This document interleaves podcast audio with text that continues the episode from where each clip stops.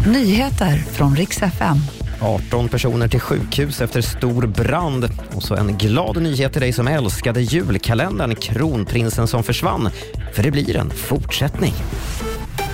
God morgon. Vi ska börja i Sundbyberg norr om Stockholm där 18 personer har fått föras till sjukhus efter en kraftig brand i ett lägenhetshus igår kväll.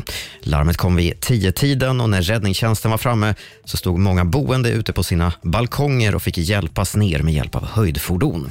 Några av de skadade har fått allvarliga rökskador meddelar man från polisen.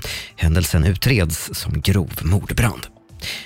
I USA har politikerna lyckats undvika en nedstängning av statsapparaten i sista stund efter att både representanthuset och senaten har godkänt ännu en tillfällig budget som kan hålla igång myndigheterna en bit in i mars.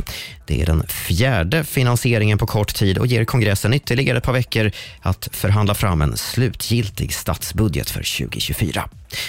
Och sist en glad nyhet till dig som älskade 2022 års julkalender i tv.